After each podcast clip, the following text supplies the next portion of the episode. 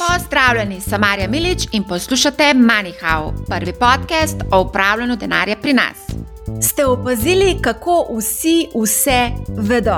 Optimizem in samozavest sta na vrhuncu. Velja tudi prepričanje, da bodo borze po skoraj 13 letih bikovskega trenda še naprej rasle, saj ni razloga, da ne bi itak centralna banka intervenirala vsakič, ko se zgodijo neka nihanja. Vsi vse vedo. Analitiki, upravljalci premoženja, vplivneži, mediji, svetovalci, vsi ti vedo, zakaj tečaji rastejo in upadajo. Toda kaj v resnici vedo? Dogodke vsak po svoje interpretira, jih poveže z gibanjem tečajnic, zapakira in lepo proda. Vsi vse vedo, pa res? Razvadil nas je optimizem in prepričanje, da je edina pot navzgor. Obstaja pa zakon, recimo Newtonov, ki temu nasprotuje in pravi, kar gre gor, bo slej ko prej prišlo tudi dol. Ta zakon velja upoštevati tudi na borzi. Ne pozabite na pregovor, v času miru se pripravljaj na vojno. Zdaj so lepi časi, tudi slej ko prej bo prišla streznitev. Zato se na njo pravočasno psihološko pripravimo. V tokratni epizodi se bomo vrnili v preteklost, ko so vsi vse vedeli, pa temu ni bilo tako, in analizirali naslovnice časopisov, čustva vlagateljev in upravljalcev skozi večje upade borznih tečajev. Dodali bomo pa tudi primerjavo z aktualnimi časi. O tem se bom pogovarjala s Petrom Groznikom, ki je bil predsednik uprave Kadi Skladi v času največje finančno-gospodarske krize leta 2008 in se je soočal s paničnim begom vlagateljev. Peter je bil tudi član uprave za finance na Gorenju, pa nadzornik NLB-ja, opravil tudi doktorat v Indijani v ZDA, bil je tudi profesor na Ljubljanski ekonomski fakulteti, danes pa je partner v podjetju Nordgrand, ki se ukvarja s poslovnim svetovanjem, ter direktor v podjetju MSIN, kjer skrbi za vodenje družbe in upravljanje kapitalskih naložb istoimenske skupine. Zdravo, Peter! Živijo. Živijo. No, pri tebi bi lahko reference naštevala v nedogled, pa sem jih skrčila, po mojem mnenju, na najbolj bistvene, sem morda kaj izpustila.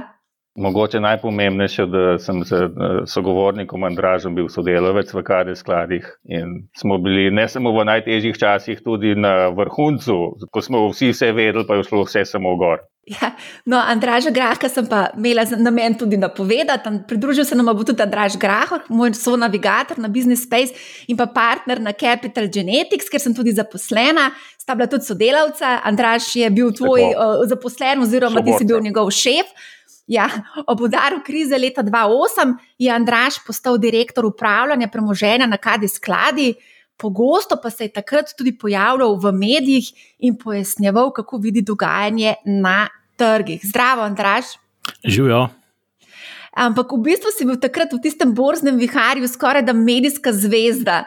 Eh, spomnim se, par let po zlomu borze je bil objavljen en intervju z naslovom Finančnik, ki piše metal glasbo in ga ljubijo mediji. No, ampak kmalo potem si se popolnoma omaknil z medijev in se posvetil poslu. Drži? Ja, res je. Ja. no, ker sta oba iz, izven te panoge upravljanja vzajemnih skladov, bomo lahko odkrito in brez lake na jeziku povedali, kaj se je dogajalo v zadju ene največjih borznih kriz. 13. septembra bomo namreč praznovali 13. obletnico paca oziroma bankrota četrte največje investicijske banke v ZDA, Lehman Brothers. Serija dogodkov, vključno s tem bankrotom, pa nas je pripeljala v eno največjih gospodarsko-finančnih kriz tega tisočletja. Zdaj smo 13 let po tem dogodku, imamo skoraj 13 let trajajoči bikovski trend. Kaj nam bo prinesla 13-tica? Za nekatere je to nesrečna številka, za Kitajce naj bi bila srečna, prinašala naj bi zagotovljeno rast. Peter, kaj meniš, da bo 13-tica prinesla? Seveda ne vem, kaj nam bo prinesla. Ko sem se pripravljal na tale podcast, sem poskušal prebrati nekaj člankov iz tistega obdobja. In seveda je zelo veliko, veliko analogij se lahko najde. Ne? In tudi, recimo, bral sem, bi šel sem čez številke The Economista iz leta 2005, 2006, 2007 in takrat je bilo podobno, ne? da je bil nepremičninski balon, da je bil največji bubble in the history of financial markets, je The Economist napisal 2005. Nihče ni vedel, kdaj bo, do, kdaj bo prišlo do zloma, ali bo 2006 ali 2007, ampak prišlo pa je. Še pred tem, ko je to napisal The Economist, so pa dvignili obrestne mere v Ameriki in se rekel, aha, spet bo nekaj vpliv, tako da smo v podobni situaciji. Nepremičnine grejo v višave, obrestne mere so nizke, enkrat se bodo mogle dvigati, ne, ne samo, da so nizko, so, so negativne. E, tako da jaz imam podoben občutek, kot da bi bili spet v 2005 ali 2006. Kot si povedala, enkrat bo prišlo do zloma in to noben noče verjeti, tudi mi nismo takrat upali, da, da mi smo želeli, da ne bi prišlo, ampak enkrat pride in takrat boli. Andrej, se spomniš bolečine? Ah, dobro, mislim, seveda se jo spomnimo. To je tako traumatična izkušnja, da to zelo težko pozabiti, pa izbrisati ven iz spomina. Samo pač mogoče se je mal zbrisala spomina na finančnih trgih, ker se nečke preveč zgodovino ne ukvarjajo in je treba iti naprej. Vsak dan so investicijski odbori, vsak dan prihajajo nova sredstva, novi vlagatelji, mali, veliki, danes jih je ogromno, pač vsi smo ena velika srečna družina in zdaj uh, gledamo, kako tečaj bolj ali manj sam raste, v bistvu v tem letu praktično brez korekcije, če pogledamo v srednje delniške indekse. Res je, dajmo se vrniti mogoče malce v preteklost in sicer Poglejmo ta padec, koliko časa je trajal. Upadanje, upadanje ameriškega indeksa SP 500 leta 2008 se je v bistvu precej dolg časa razvlekel. Ne? Na leto in pol je trajalo vse skupaj od oktobra 2007 pa do marca 2009, ko se je oblikovalo dno. Tečaj je pa takrat upadel za dobrih 50 odstotkov, lepo počasi je vsak dan izgubljal na vrednosti, in potem šele čez 4 leta, se pravi leta 2013, je SP nadoknadil izgubljeno. Vse skupaj skupaj je pa trajalo pet let in pol. Tega obdobja se verjetno zelo dobro spominjate, ker gre za vse zelo dolgo obdobje, pet let in pol. Ne? Vse, seveda, bilo je težko obdobje. Jaz bi rad mojega nekdanjega sodelavca pohvalil v dveh točkah. Ena je bila, da po leti 2008, ko so se začele težave v Lehman Brothers, pa tako ne seveda, marsikdo je to zamahnil z roko. Če to pa se na Evrope ne bodo taknili brez veze. Takrat je Andraš, moram reči, zelo jasno vidno napovedal, da bo to imelo težke posledice za vse, in smo zelo hitro prilagodili naše portfelje, kot smo lahko v vzajemnih skladih. To je bila ena zelo dobra, zelo dober uvid, ki smo ga imeli dosti hitro. Pa tudi ta padec, vem, da smo, da spet je bilo to Andraš, pa sodelavci, se ne samo, smo imeli, da smo imeli dobro ekipo, še zmeraj so marsikateri sodelavci na kar je skladih. Smo tudi zelo dobro predvidevali. Ne? Naredili smo en graf, ki smo ga kazali vlagateljem, primerjavo z vsemi preteklimi kri, podobnimi krizami. In to besedno se je odvilo tako, kot smo napovedovali. Ne? Da bo padec, da bo trajal, ampak da se bo tudi zadeve vrnile. Tako da to sta bile dve zadeve, ki sem si iz tega obdobja zelo zapomnil in smo mislili, da smo z ekipo to zelo dobro pripravili. In kot rečeno, Andraš je imel tukaj tudi levi delež. Ja, hvala, Peter. Uh, ja, ta, ta, ta druga točka, mogoče ta graf, ta zlepljen, kot kriz. Sam da malo mogoče razložim vsem tistim, ki tega ne poznajo. V bistvu smo vzeli pretekle večje upade na medvedjih trgih in smo jih gledali od točke, ko je bil vrh, pa je padlo dol, pa, pa še v bistvu deset let potem, ko je bil vrh dosežen. Torej, celo pot upada pa ukrevanja in nekako smo zlepili skupaj različna obdobja, veliko krizo, medvedji trg v, v 80-ih, v bistvu, kar se je dogajalo v ZDA, pa mislim, da smo azijsko krizo tudi gledali in smo nekako zlepili skup, kaj nek. Uh, da imamo reči, agregatni vzorec tega. Edina stvar, ki je mogoče bila zanimiva, je to, da te, te, te različni posnetki še danes krožijo na YouTubu. Tako da hvala vsem tistim, ki so to takrat producirali na KD grupu, da zdaj malo nazaj pogledamo. Sam Peter, a se spomniš, koliko ljudi nas je takrat hotel poslušati, pa, pa, pa koliko smo imeli auditorija, potem, ko smo mi to skupaj zlepili in rekli, gremo na ročov, da se, se malo tako spomnimo nazaj ne vem, različne občinstva smo imeli. Jaz, to, koliko nas je poslušal, se ne spomnim tako dobro. Ta graf pa sem vesel, ker sem ga nisem najdel, jaz ga imam samo v spominu, na kljub mojemu slabemu spominu. Um, ja, seveda so bili ljudje, so bili razburjeni, hoteli so od narva in potegniti. Ja, težko je, težko je zdržati, ne, ko vse pada. Vsi smo radi, pa pogumni, ko raste. ko so pa težki časi, pa pa je težko to zdržati, čeprav bi bilo racionalno ravno obratno obnašanje. Ja, ampak zdaj so vseeno mogoče malce drugačni časi, vsi tisti upadi tečajev, ki so se zgodili po letu 2008, se mi zdi, da so bili zelo. Kratko trajni, oziroma kratkoročni, in tudi zelo hiter odboj smo imeli. To smo videli tudi marca 2020. SP je upadel za tretjino v samo mesecu dni, potem pa je sledil relativno hiter odboj. Ne? In sicer odboj, oziroma na, nadoknadili smo v dobre pol leta, torej marca je upadel tečaj, oktober smo bili pa že poglihani, vse skupaj ne? je pa trajalo sedem mesecev. Zdaj, mogoče, kakšne so pričakovanja, so se vse mogoče časi spremenili in bomo imeli tako hitre upade in pa rasti nazaj, ali kako, so, kaj pričakujete, da se bo na borzi dogajalo, kako boleč bo v bistvu potencijalni upad tečajev, ki ga bomo imeli enkrat v prihodnje. Peter, kaj misliš? Pravilno je opažanje, da, je, da so te volatilne, da je lansko leto bilo zelo hitro. Jaz mislim, da to je več faktorjev najbrž pojasnjeno. Eno je optimizem človeštva, ne samo investitorjev. Najbrž smo vsi mislili, da se bo ta eh, pandemija hitreje končala, kot se končuje. To, to je bilo najbrž tem povezano, pa poleti lansko leto, ker ni bilo več nobenih primerov. Ne. To je en razlog, drug razlog, ki je najbrž malce drugačen, kot je bil pred 13 leti, da je ta neka demokratizacija financ je še več retail investitorjev, razno raznih kripto, do, short squeezov, da, da je tega ogromno, teh day traderjev je. Jaz mislim, imam, vsaj imam občutek, še bistveno več, kot jih je bilo takrat v letu 2006. Ne. Kogarkoli sem srečal lansko leto, pa morda je bilo tudi malo posledica tega, da smo bili vsi doma, vsak je nekaj trgoval z razno raznimi zadevami, ki jih jaz ne znam, nekatere ne znam niti pojasniti. To je malo razlog. Kaj se bo pa zgodil? Jaz mislim, da dokler bo denar tako pocen, kot je, dokler se ne bomo šli v, v, v zviševanje obrestnih mer, zna zabava še kar trajati. Eh, mislim, da je to glavno gonilo in, in nepremičninskega trga, in drugih trgov, no, tudi tu, vključno z borznimi. Ko pa se bo in enkrat se bo moglo to zgoditi, to, da plačujemo eh, negativne obrestne mere, oziroma da bankam plačujemo za to, da imamo lahko denar na bankah, to je nenormalno stanje. In jaz upam, da to ne bo trajalo celo življenje. Ne.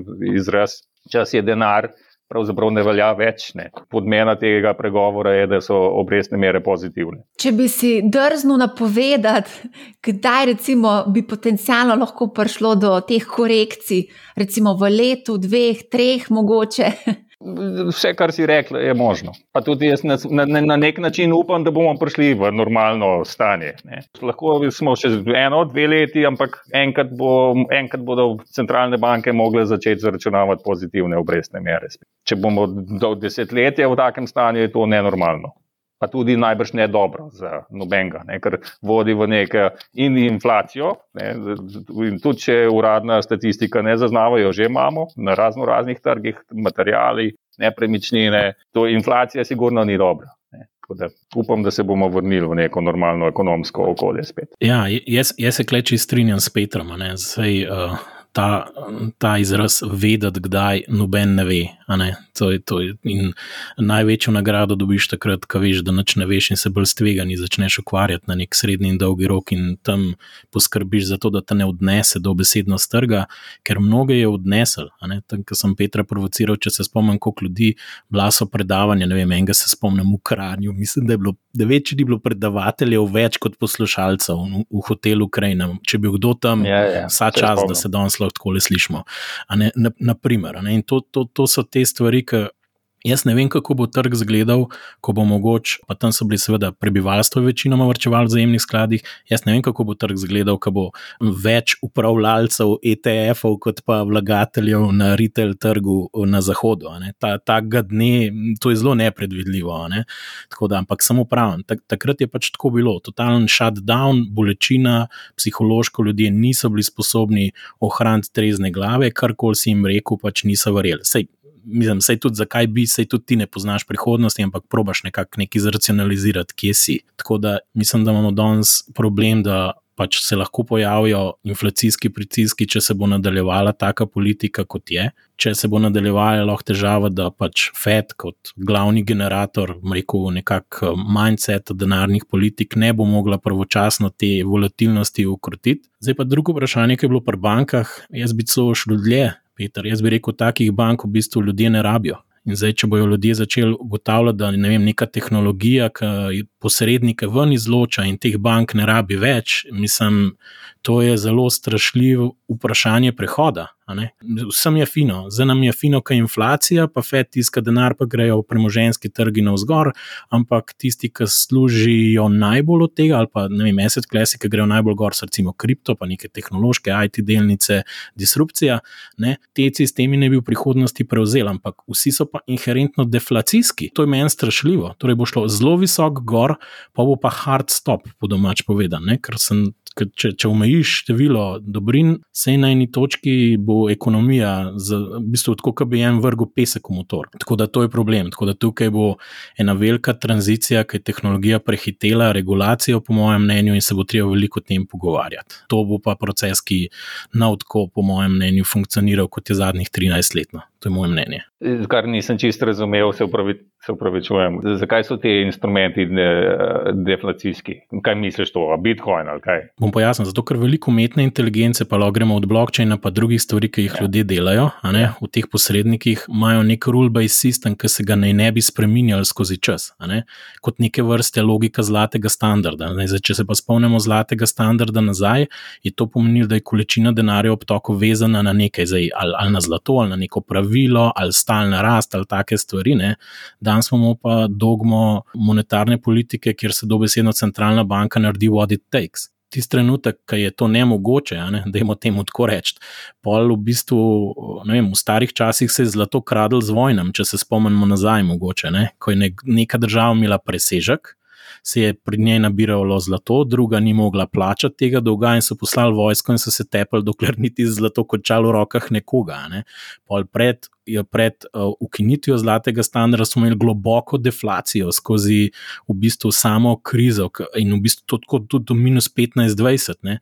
Zakaj se tega spomnim? Ker smo študirali realne donose takrat, ko smo lepili te stvari tudi skupaj in dejansko je bilo, mal, je bilo tako zanimivo. Ne? Čeprav je indeks bil na nuli, so pa cene padle 20% in bil realen donos skozi eno finančno krizo, ki ga danes gledamo nominalno, v resnici pozitiven.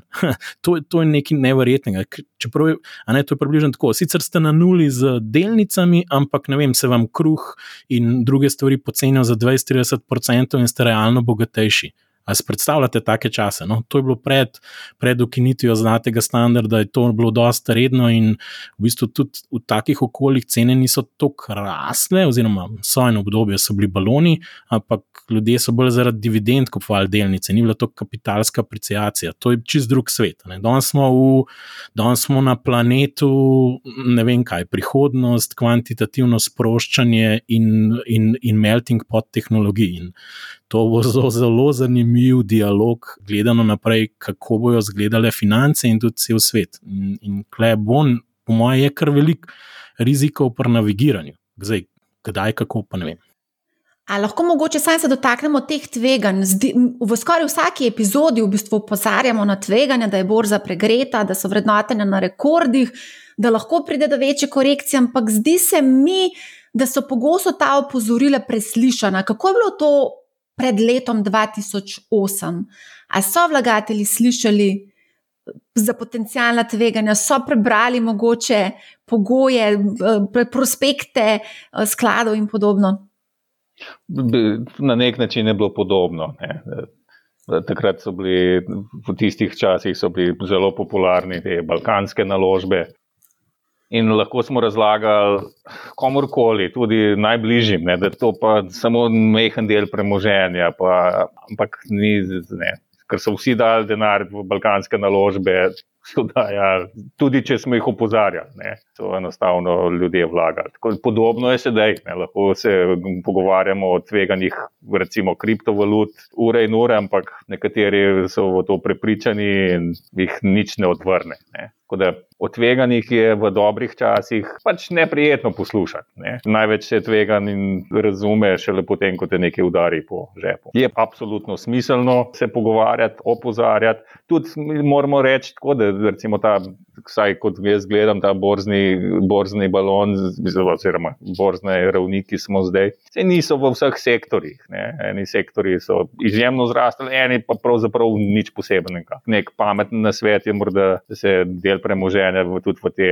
sektore, ki so malo zaostali ali pa ki niso tako seksi, pa niso neke tehnološke zadeve nameni. Ne. V neke stare industrije, ki dajo dober denarni tok in solidne dividende. Kako boš to melenico ali pa zelenico prodal?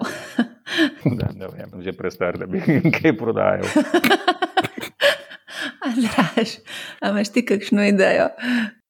Mm, jaz mislim, da ne boš v resnici, uh, ker, ker je to brez veze prodajati ali pa karkoli ali pa govoriti. Ti pač lahko samo upaš, da bo kdo slišal, se drugače to ne funkcionira. Ne? Zdaj, Prideš kaj sred trga, zapojaš, zdaj mogoče kdo posluša, mogoče pa vsi slušalke not pa šibajo vmes, kaj tredajo vmes na telefonu.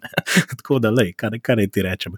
Zdaj, kako to pozornost pritegnil, Jaz lahko povem, da imam eh, nekega športnega učitelja za rehabilitacijo in trening. No. In on je zapravo je fizioterapeut, super fund, izjemno pameten. Ampak on vlaga v stvari, ki jih ne, ne znam niti pojasniti. In vsak trening se samo o teh kriptozadevah in tavknih in posojanju in klesmo. Seveda mu vse poskušam razložiti uh, o tveganjih, pa o cash flowih, pa to, ampak to ga, ga ne zanima. Um, ja, se, ko pride enkrat ta debata v gostilne, fitnese, pri frizerju, ko se enkrat pogovarjaš o teh zadevah, se mi zdi, da smo že, Andraš, ti vedno praviš, da, da, da smo blizu konca. Blizu konca, to jaz pravim, ali kaj. Da se ne spomnim, zgubil sem spomin, da govorim, da, da smo blizu konca. Ne, jaz ne verjamem v te zgodbe, konec sveta. To, to je bilo, recimo, takrat 2008 je bilo tako, to je konec sveta. Mislim, da je celo Wall Street film 2, ki en tam neki zasedajo in reče: če na te nekaj naredili, bomo vsi šli no, tako zažvižgal, ptičkom zvižgati, to bo konec sveta, ne v tem smislu. Ja, nikoli ni konec sveta. Ne? In se vsa, vse se pol neki, rekel, nek ravnoteže najde, neko ukrepanje je. Sam, če gremo zdaj nazaj, je to, da že samo občutek, da je konec sveta, povzroča to, da trgi. Prekomerno se odzovejo, ta overshooting, tako imenovani, ki se tam zgodi, je, je nevreten. In zdaj bom dal samo en primer. Ne. Sej ti lahko verjameš vso tehnologijo in vse, kar se dogaja na avtomatizaciji investiranja in te tako imenovane distribuirane finance. To takrat sploh ne bo pomembno. to, to je čist irrelevantno, ka, kakšna tehnologija bo. Lahko je najboljša možna tehnologija in še vsakeč znova je bila, ampak tam bo konec sveta. Ne? Nekdo bo pač imel nekaj, kar se je hotel znebiti in bo manično to počel, ker zaradi nekih razlogov ne bo želel tega več držati. In zdaj sploh neki trgi, ki že danes reagirajo, ker smo v tem okolju tako, da imaš lahko premike 10-15% navzdol, ker tam en margin call pride ali pa nekdo hoče na brzino iti ven. Jo, jaz si ne predstavljam, kam bo šla likvidnost, ki jo vsi hoteli iti ven, če bo nek tak dogodek. Ne? Nič ne pravim, ne tega početi, karkoli početi, ampak če to počneš, pač moraš vedeti, da se to lahko zgodi. Vse jaz mislim, da velik teh ljudi, ki v bistvu um, rekel, na nek način mečkan, špeku, ne mečkan, špekulirajo, v bistvu, kam bojo te stvari šle okrog nekega, ne vem, blockchain, kriptovalut ali pa še vsega, kar je zraven, v bistvu to vejo, ampak jih v resnici danes to ne zanima. Sej to tudi na Balkanu nikogar ni zanimalo. Jaz moram Petru dati uh, velik kompliment, vrniti nazaj. On je bil tisti, ki je, po mojem mnenju, takrat začel neke investicijske procese disciplinirane uvajati znotraj ekipo, ki sem se jaz pridružil takrat tudi. In je bilo vprašanje, zmer, kakšne modele imamo, kako vidimo vrednost, kje je nek fundament morali imeti. Ampak le sploh povem, da na Balkanu se je dogajalo to, da tista notranja vrednost je bila na trgu tako. Trajali je par mesecev, pa smo bili krat dva. Ne, potem Balkanski sklad dobi na dan milijon evrov noter, in, in tiste ciljne cene so presežene, in se pol dva malhecata pa rečeta, no, kaj bomo s ciljno ceno naredili, da da jim reč tržna krat dva, pa se nam nav treba s tem ukvarjati. Torej, Zmeraj je postajala težava to upravičiti, ne? nekako fundamentalno. In če tega ne moreš početi, pa je to nekaj normalnega, pa le rečeš, kaj pa čem, prospekt prav stojno odgre not, 85 se jih najmanj poinvestira, kaj bomo zdaj mi naredili, zaprli sklad in vrnili denar nazaj. Recimo, Tako da to goni tudi trg naprej. No?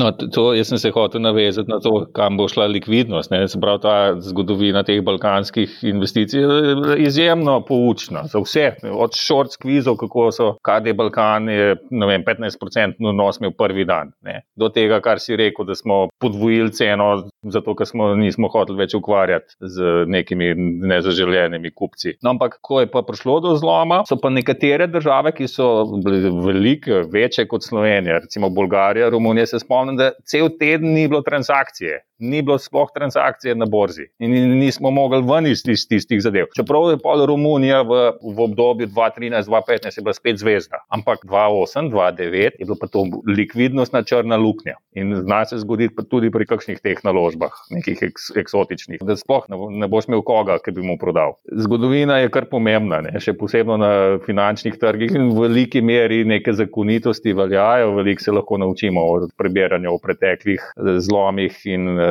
balonih v veliki meri se ponavlja. Seveda je pa to človeška psihologija, pa je taka, da noben ne želi slišati, da se bo muzika enkrat nehala, vsi hočemo plesati čim dlje.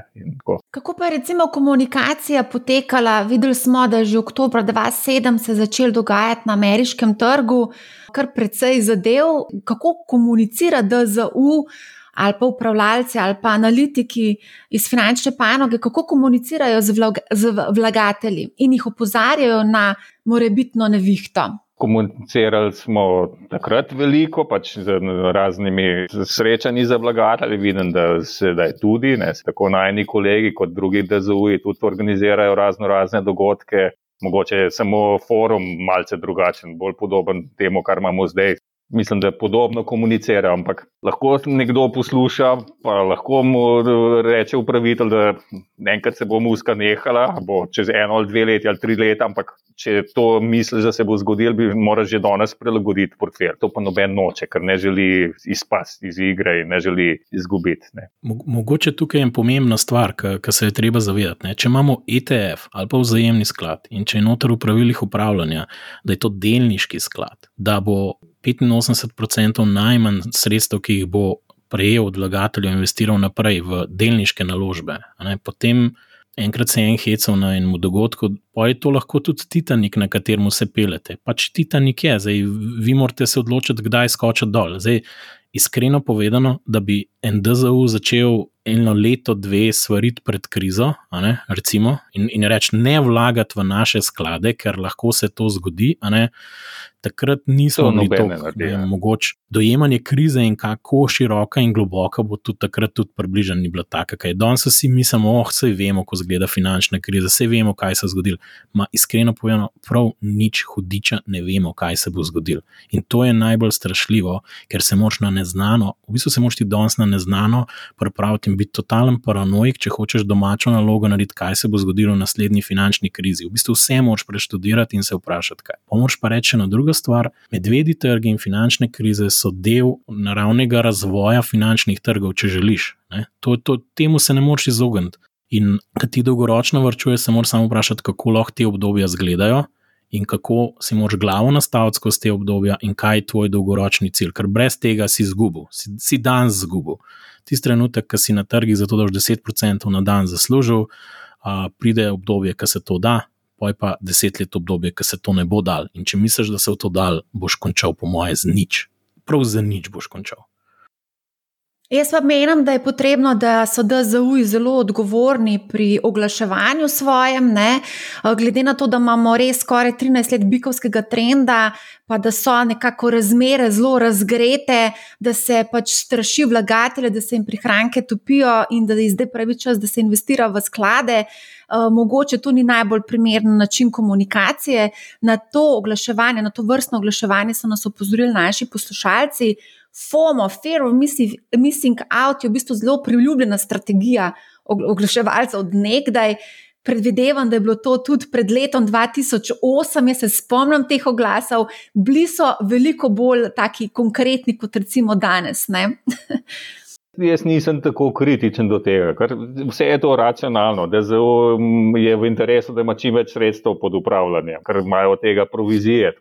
Oglaševanje je oglaševanje, pač na vsakem posamezniku je, da se poskuša čim bolj racionalno odločati. Ne. Kar je tudi rekel Andraš, je tudi ne, zaprav, nek tipičen zajemni sklad, ima zelo stroga pravila. Tudi če upravitelji mislijo, da se bo nekaj zgodilo, lahko samo za par odstotkov znižajo izpostavljenost. Takrat, ko smo ugotavljali, ko je Andraš rekel, da tole bo Lehman Brothers bo udaril po celem svetu, smo lahko za par odstotkov znižali, nismo mogli vse prodati, pa iti v, v cash. Ne. Tako da do samega oglaševanja jaz nisem tako kritičen. Ne. Oglašujejo se Coca-Cola, oglašujejo se razno razne stvari, ki najbrž niso dobre za.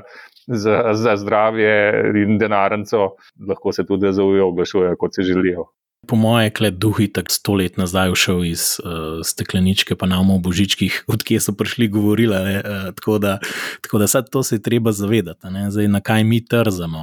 Zdaj, če bi zdaj napisali, če boste spili tole našo vodo, boste leteli po zraku, zdaj ne vem, ali to verjamete ali ne verjamete. Zdaj, lahko verjamete, ne? ni, ni problema. Ampak mogoče sem mal, mal jaz se spomnim nazaj, ne vem, Peter. Jaz se spomnim, da je na točki je bilo veliko glasov v uh, medijih, kakšen je bil donos vem, naš sklad je med ja, tem in ja, tem ja. datumom, pa prav zbirali so datume, kdaj, ne, da je bil res največji, ustvaril ne vem kakšen donos. Ne, ker vzel si najbolj ugoden datum. Nakupa, ne, recimo, ali pa točke, ki je bila najnižja in najvišja, in točno to si izbral in dal v glas noter. Ne, in seveda so bili donosi tako neverjetni. Naj, najbolj je bilo to, te balkanski skladi, prvi dan balkanskih skladov. Bo, kaj se je zgodilo? Ne. Mi vem, da smo bili rekorderji v neki točki. To ja, pa, pa, pa, se, pa tako se ni bilo važno, kaj je bilo. Je bilo Brik tudi takrat, je recimo prihajal kot Brazilija, Rusija in Kitajska. Trgi v razvoju so imeli svoj bullrun itak skozi to obdobje do zloma. In uh, jaz sem, če se malo spomnim nazaj, takrat je celo enkrat ATV poudarila po mizi in rekla: ne morete si kar zmišljati neke datume, dajte saj, ne vem, v zadnjem četrtletju, v zadnjem letu ali karkoli. Pa so pa celo zginili te oglasi, ampak bom tako rekel. Da jim se mogoče vprašati, ali je to komorkoli preprečil, da je zagnal spletno stran in izbral najbolj ugodnejši datum, kdaj bo on kupil in kdaj šel ven, in potem najdu nek inštrument. Ja, ni, ja, to, to, to moramo reči. Tako da To je mogoče poanta zgodbe, da na koncu je treba zavedati, kakšni so konflikti interesov, kakšni so interesi poslovni, pa kakšni so naši interesi. Ne? Nekako najdete kompromis, ne? to je moje mnenje. Načeloma, ko gremo na borzo, gremo pač dolgoročno. Dobivam zadnje čase zelo veliko sporočil od naših poslušalcev, ne vem, po 10-15 na dan. In sicer so dost podobna, in sicer, da bodo začeli investirati, ali pa da so že začeli investirati, da so odprli račun pri brokerju in da bodo vrčevali dolgoročno. Pa me zanima, koliko dolgoročnih vlagateljev je potem skupaj z vami prebrodilo to krizo v letu 2008 in skozi uh, eh, 2009. Koliko jih je ostalo z vami? Številk ne vem, čist, ampak seveda nekaj, nekaj jih je. Ne? Zato, ker ko enkrat že pride do zloma, ne? če nimaš ravno potrebe po neki likvidnosti, marsikdo pač ostane v naložbi. In pogosto je to celo bilo ena boljših odločitev. Ne? Tisti, ki so ostali in so počakali, ki so lahko ostali, ki jim je omogočalo to premožensko stanje in potrebe po likvidnosti, da so dve, tri leta zdržali, so bili na koncu tudi nagrajeni. Tako da ta dolgoročnost je izjemno pomembna. Ne? In tukaj je ta alokacijski razmislek, se pravi, ko daš nekam denar v te neke tvegane zadeve, tudi danes, ne? je ok. Ampak ne smeš pa biti preplašen, pa takoj ga vzeti ven, ko bo za 10% padel. Moš imeti res dolgoročen pogled. In pa zdaj spet ne vem statistik, ampak prav veliko obdobij, ko bi dal v neko razpršeno eh, naložbo na borzo, desetletnih obdobij, da bi bilo negativno, jih ni bilo. Sploh ne vem, morda je bil kakšno, ampak ne vem pa, če je bilo. Ko sem to bolj natančno študiral, vem, da ni bilo prav veliko takih obdobij. Enoletnih, triletnih, petletnih jih je bilo pa veliko ta pritisk je treba zdržati. In ti si že omenjal naslovnice. In ko borze upadajo, se na naslovnice časopisa dosti prikrade kakšen krvoločni medved. Poiskala sem naslovnice časopisov, ki so bili objavljeni 15. septembra 2008, torej en dan po objavi bankrota Lehman Brothers. Ni potrebno povedati, da so bile naslovnice v tujini mogoče malo bolj dramatične kot pri nas, ampak vseeno, poglejmo slovenske naslovnice. Dnevnik, Naslov. So slovenske borze izpohtelo več kot 7 milijard evrov. Investicijska banka Lehman Brothers objavila največji stečaj v zgodovini ZDA. Finance. Živa groza. Ne tolažite se, da se včeraj ni ponovil črni ponedeljek, ko so tečaji v enem dnevu padli za 20 odstotkov, bojte se tega, da vsak dan padejo za 3 odstotke in da se ti dnevi ne končajo. Večer, borzni črni ponedeljek, slovenski blue chips do 8 odstotnimi dnevnimi padci tečajev, po stečaju investicijske banke Lehman Brothers, tečaje delnic po svetu padajo kot domine. Delo. Ameriška finančna kriza po naravnem orkanu še orkan na Wall Streetu. No, naslovnice so se potem v naslednjih mesecih stopnjevale v precejšnje ekstreme. Um, recimo, izbrala sem nekaj najbolj sočnih naslovov. Recimo, tudi mrtva mačka trzne. Prihaja sedem suhih krav. Strah lomasti vse povsod. V pokojnincih izgubljate denar, joj, vse gre dol, adijo dividende in tako dalje. To so naslovnice, ki sem jih našla. Kot vidimo, mediji mogoče niso najboljši prijatelji zelo prestrašenih vlagateljev. Kako ste se vi, kot upravljalci premoženja, odzivali na vse te naslovnice in kakšni so bili odzivi vlagateljev, potem, ko so prebrali te naslove v časopisih? Ne, mislim, da se prav dosti na te naslovnice nismo odzivali. Seveda pa vplivajo na psihologijo vlagateljev. Ne? Nekateri pa zelo trzajo na medijske novice, take in drugačne, resnične in neresnične, utemeljene in neutemeljene. Jaz, kot rečeno, sem podobno vajo naredil včeraj z naslovnicami The Economista od leta 2000 naprej in so mi bile pa zelo informativne, ne? kot rečeno obrestne mere 2,3, 2,4 so se začele zviševati, nepremičninsko 2,5, zlom je prišel 2,7. Tako da v nekem daljšem razdobju so lahko kakšne naslovnice tudi informativne. To, kar si pa ni omenila, je pa, ja, pa je podpiranje, podpiranje oziroma metanje olja na, na, na žerjavco oziroma benzina na žerjavco. In nekateri so sigurno odreagirali tudi po takih zadevah. Ja, jaz se sam spomnim, da je kakšen sodelavec, ki bo mogoče razumel oddelka, ki je mogel se dejansko ukvarjati z vlagatelji, kdaj ka ga pri kakšni kavi srečal ali pa, ali pa kaj takega, je rekel: Jaz videl naslovnico financ, da on spet me vsi kličejo. To, to so bili primeri, lahko potrdim, da, da pač je to bilo, sploh ta tudi mrtva mačka trzne. To je bilo tako, to je bilo potem, ko je Liman že šel, pa je že vse Dajmo se malo spomniti. Vrh na zahodu je itak bil že prej. Liman je samo sred nekak tega drsenja navzdol, ker so vsi rekli, je samo korekcija, je treba še kaj kupiti. Dajmo kupiti. Je še zadnji kamenček. Je, je pol prišel ta Liman in se je skazal, da je dimenzija problema itak 50krat večja, kot ga je vsak pričakoval. In bilo treba, vsi se tri. Najprej so se ta institucionalni mogli vprašati, kaj bomo naredili. Ampak to, kar je pa pol temu sedil, je pa zdaj se pa predstavljate. Vi ste zdaj Janes ali Katja, ki je rekel: Jaz bom pozabil na te trge, bom dolgoročno vrčeval, skleno je kakšno zavarovanje ali pa vrčevalni načrt, zdaj šele v prvem, drugem letu, in tako ima še 10-15 let pred sabo, ali pa kaj se jim kolk, ali pa je kakšno naložbeno življenjsko skleno, tiste je bila sploh čista zmaga v tistih časih. In potem potem dobi v roke tudi mrtva mačka trzne ali pa živa groza ali pa ne vem kaj.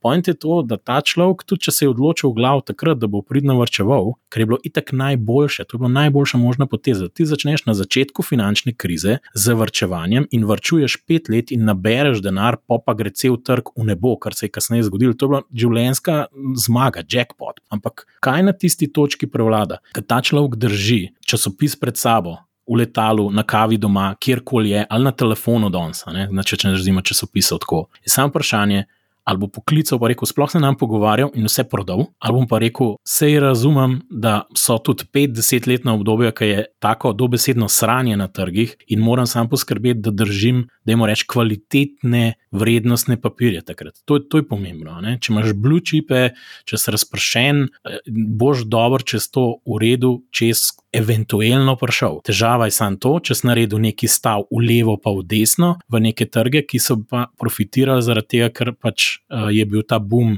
investiranja predtem. To je pa lahko problem. Ne? In tisti, ki so ustrajali, so super, če so prišli. No? Čis, dejansko so vrčevali skozi celotno obdobje, danes se pa lahko se nazaj pohvalijo, da, da je bila to dobra odločitev. In um, ja, to je pomembno. Tudi veliko milenicov in zilenicov je danes na trgu. Ti ne berejo klasičnih časopisov in revij, uh, niti televizije ne gledajo, ampak sledijo vplivnežam na raznih družbenih omrežjih, in številni ti vplivneži so v času korona krize postali prave zvezde.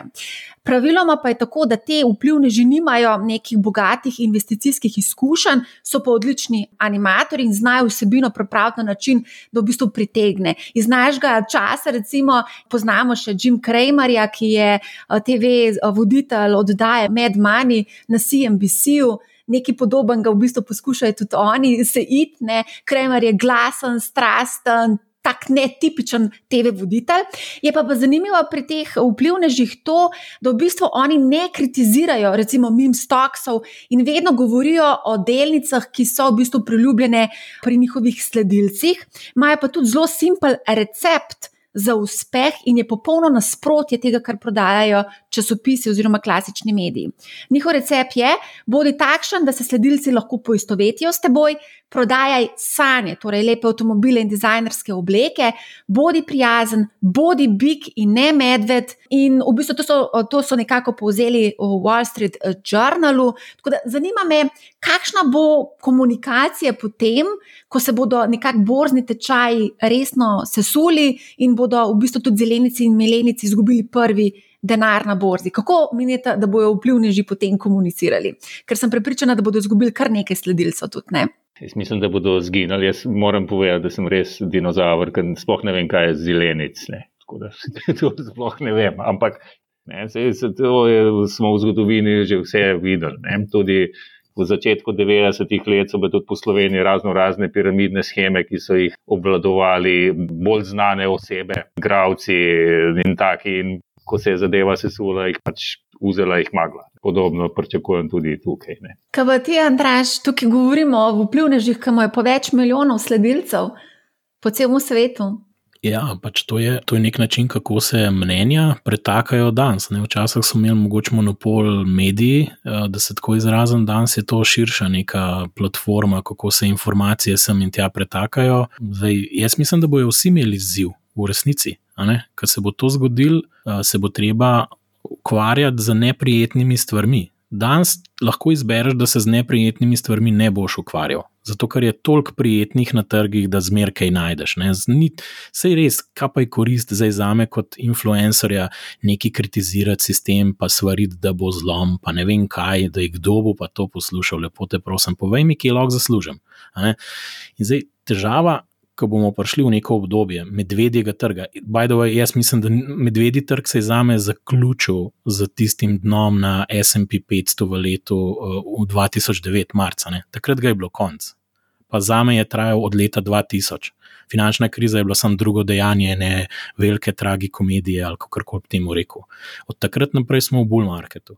Ampak, ko bo prišel bear market in to, kar smo videli vmes, niti ne korona, to ni noben bear market, to je pač korekcija v bull marketu. Sam hočem to razčistiti, ker je ful pomembno.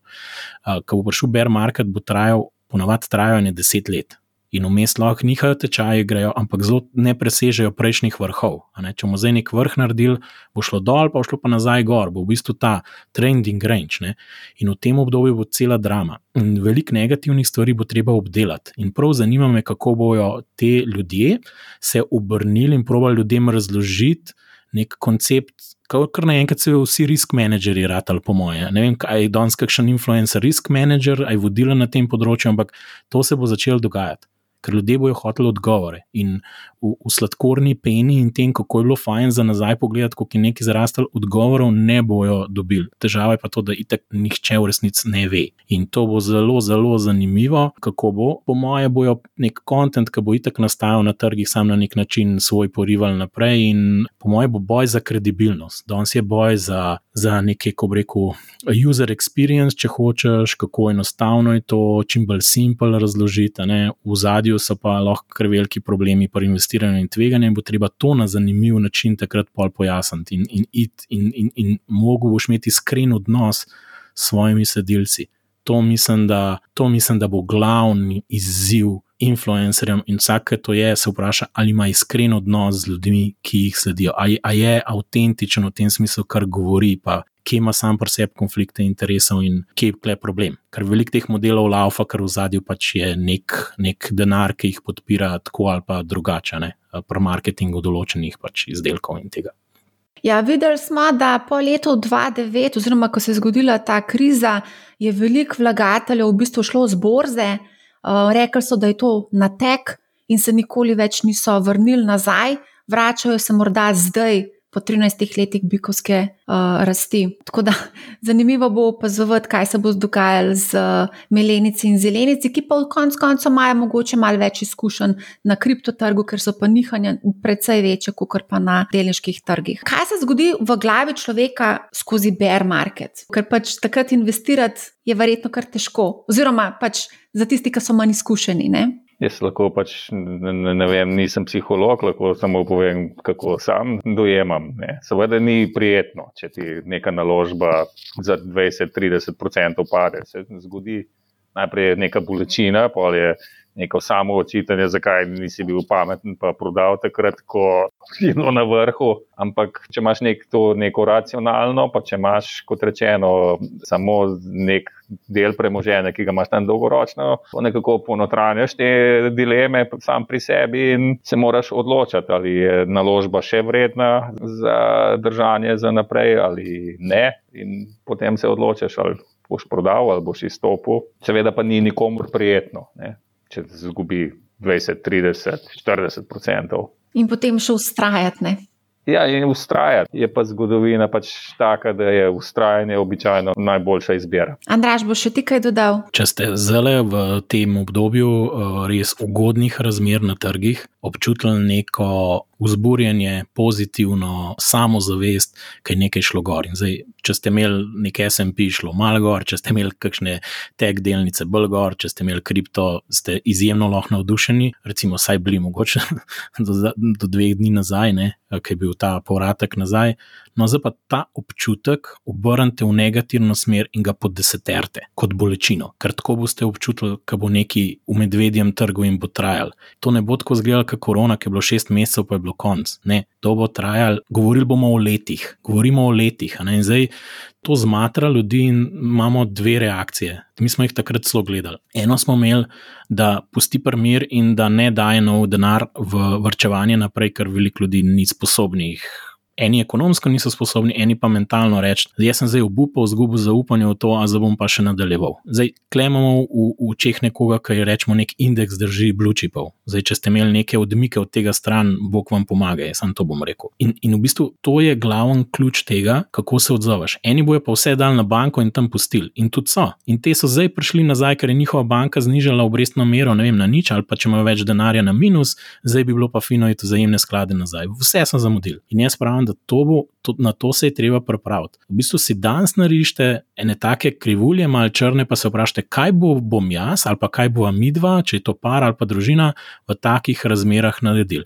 Ali imamo dovolj dohodka, da nadaljujemo vrčevanje, ali imamo mogoče že toliko se nabrali, da je to lahko problem, če recimo en pet let, kot si ti rekla, traja, da v to spet na nulo prišlo, a ne, a moramo malo mogoče na ohranjanje premoženja razmišljati že tudi, se lahko tudi vrčuje za prihodnost, pa imaš to malo mal manj tveganja danes vzameš, ker veš, da je to dobro bilo. To so stvari, ki so pomembne na, na dolgi rok. Tisti, ki pa trajajo, se pa je tako mogli znajti na trgu, ali pa tisti, ki na 6 mesecev, 12 hočejo služiti. In ja, seveda, v medvedjem trgu bojo vse tvegane oblike naložbe dol in tudi kripto bo šlo dol, neč na urastel. To je, to je itak, po mojem mnenju, mislim, jaz ne vem, da jim tako rečem. Moš prevzeti, da nič ne veš, ampak obstaja velika verjetnost, da bo pač vse pod pritiskom, ker se bo denar nekam umikal ven iz, iz takih stvari.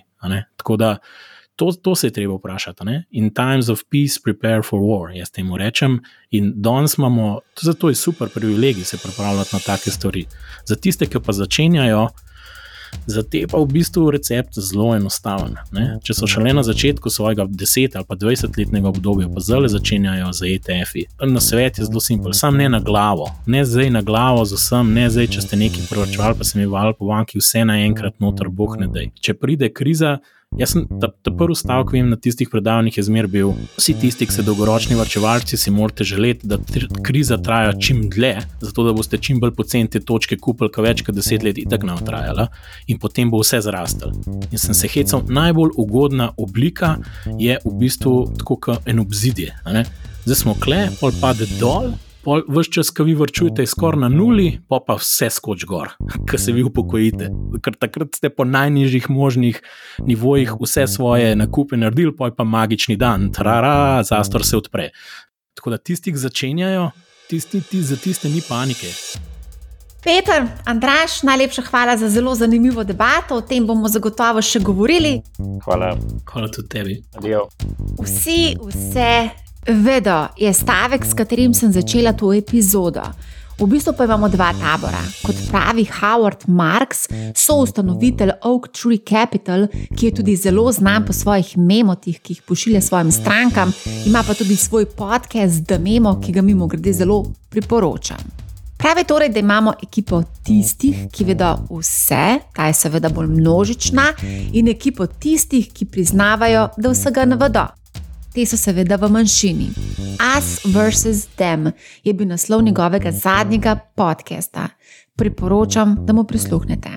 Ob tem bi priporočala ogled filma The Big Short, ki zelo lepo opisuje razmere pred borznim zlomom leta 2008 in krvavo pot investitorja Michaela Burryja, ki je stavil na zlom finančnega sistema že par let prej. Bariju so se posmehovali, bil je osamljen jezdec, nihče ni verjel v ta scenarij. In sicer zlom nepremičninskega trga in sesutje ameriškega finančnega sistema. Na koncu pa je Burry svojo stavo pobral lep dobiček za svoje vlagatelje, ki so z njim ustrajali do konca, kar 700 milijonov dolarjev, za sebe pa 100 milijonov dolarjev. Burry tudi danes igra svojo igro. Stavi denimo na upad Ark Innovation ETF, ki ga upravlja Ark Invest in prva dama aktivnega upravljanja Katie Wood. Burry ji enostavno ne verjame. Šel je celo korak dlje. Napoveduje največji borzni zlom v ameriški zgodovini in padec praktično vseh naložbenih razredov. Delnic, obveznic, zlata, kripta in tako dalje. Meni, da je slon v sobi naraščajoča inflacija. Če bodo njegova pričakovanja uresničena, bi lahko delniški in kriptotrgi upadli tja do 95 odstotkov. Zakaj so resni vlagatelji pozorni na njegova opozorila? Med drugim tudi zato, ker stavi svojim denarjem in deluje po principu Put your money where your mouth is. Iščete torej informacije, ki ne le potrjujejo vaše prepričanja, pač pa vas spodbujajo k dodatni analizi in razmisleku, bodite kritični, zlasti pri presoji novic, na svetu, vsebine in tako dalje. Naj vas spomnim, da 14. septembra ob 17. uri snemamo v živo podcast Money How Live in sicer na temo kriptovalut in sicer kriptovalute pod lupo. Govorili bomo o vseh aktualnih tematikah, vključno z davki, tako da vas lepo vabim, da se naročite na kanal na YouTubu Marija Milič in nas spremljate v živo 14. septembra ob 17. uri. Z nami bodo zelo zanimivi gostje. Še enkrat, preden investirate denar, se morate zavedati, tvegan pot na vzgor se bo zaključila, prišli bodo težki časi. Ravno zato smo ustvarili tudi Experience Sharing kanal na Discordu. Z vami bomo skozi dobre in slabe čase. Povezavo do Discorda objavim v opisu te epizode. Skratka, poslušajte Manihau, ne bo vam žal in lep pozdrav!